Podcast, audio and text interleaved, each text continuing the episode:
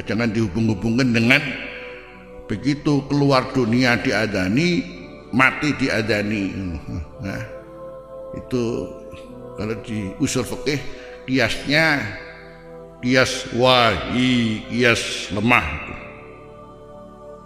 Wong diadani anak kecil lahir itu untuk dijaga dari umus sebian.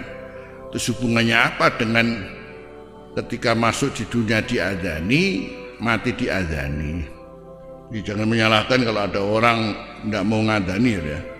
Tapi walaupun itu menjadi satu budaya, hanya kita secara keilmuan, kita tolibul ilim, harus juga tahu tentang ini kias ini kias apa ini.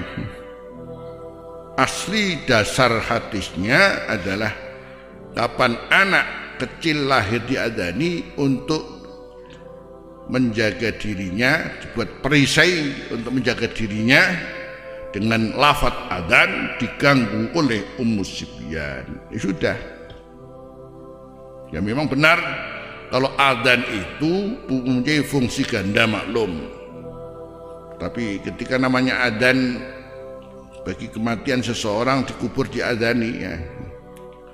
Dan akhirnya dibahas oleh para ulama yakni kiasnya dari mana gitu ya. Kiasnya karena ketika dia masuk di dunia ya,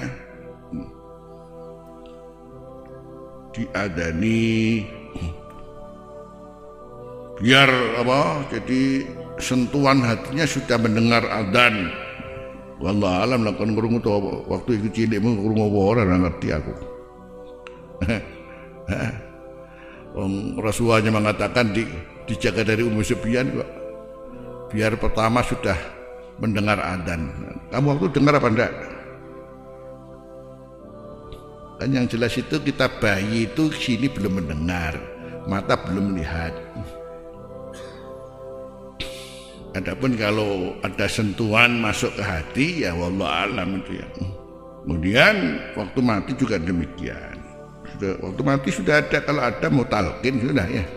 Talkin lepas daripada uh, ada yang ma mau ada yang tidak terserahlah. Tapi kalau kemudian masalah ini ada masalah juga masih dikhilafi kemudian kalau ada orang mati eh, antara pro dan kontra diadani akhirnya ah, berkelahi di atas kuburan iki sing sing berkelahi sing nah. jadi ini anti adan dalam kuburan wah ini harus wah ah, adan dalam kuburan akhirnya debat gelut menduri kuburan. Isi goblok sopoi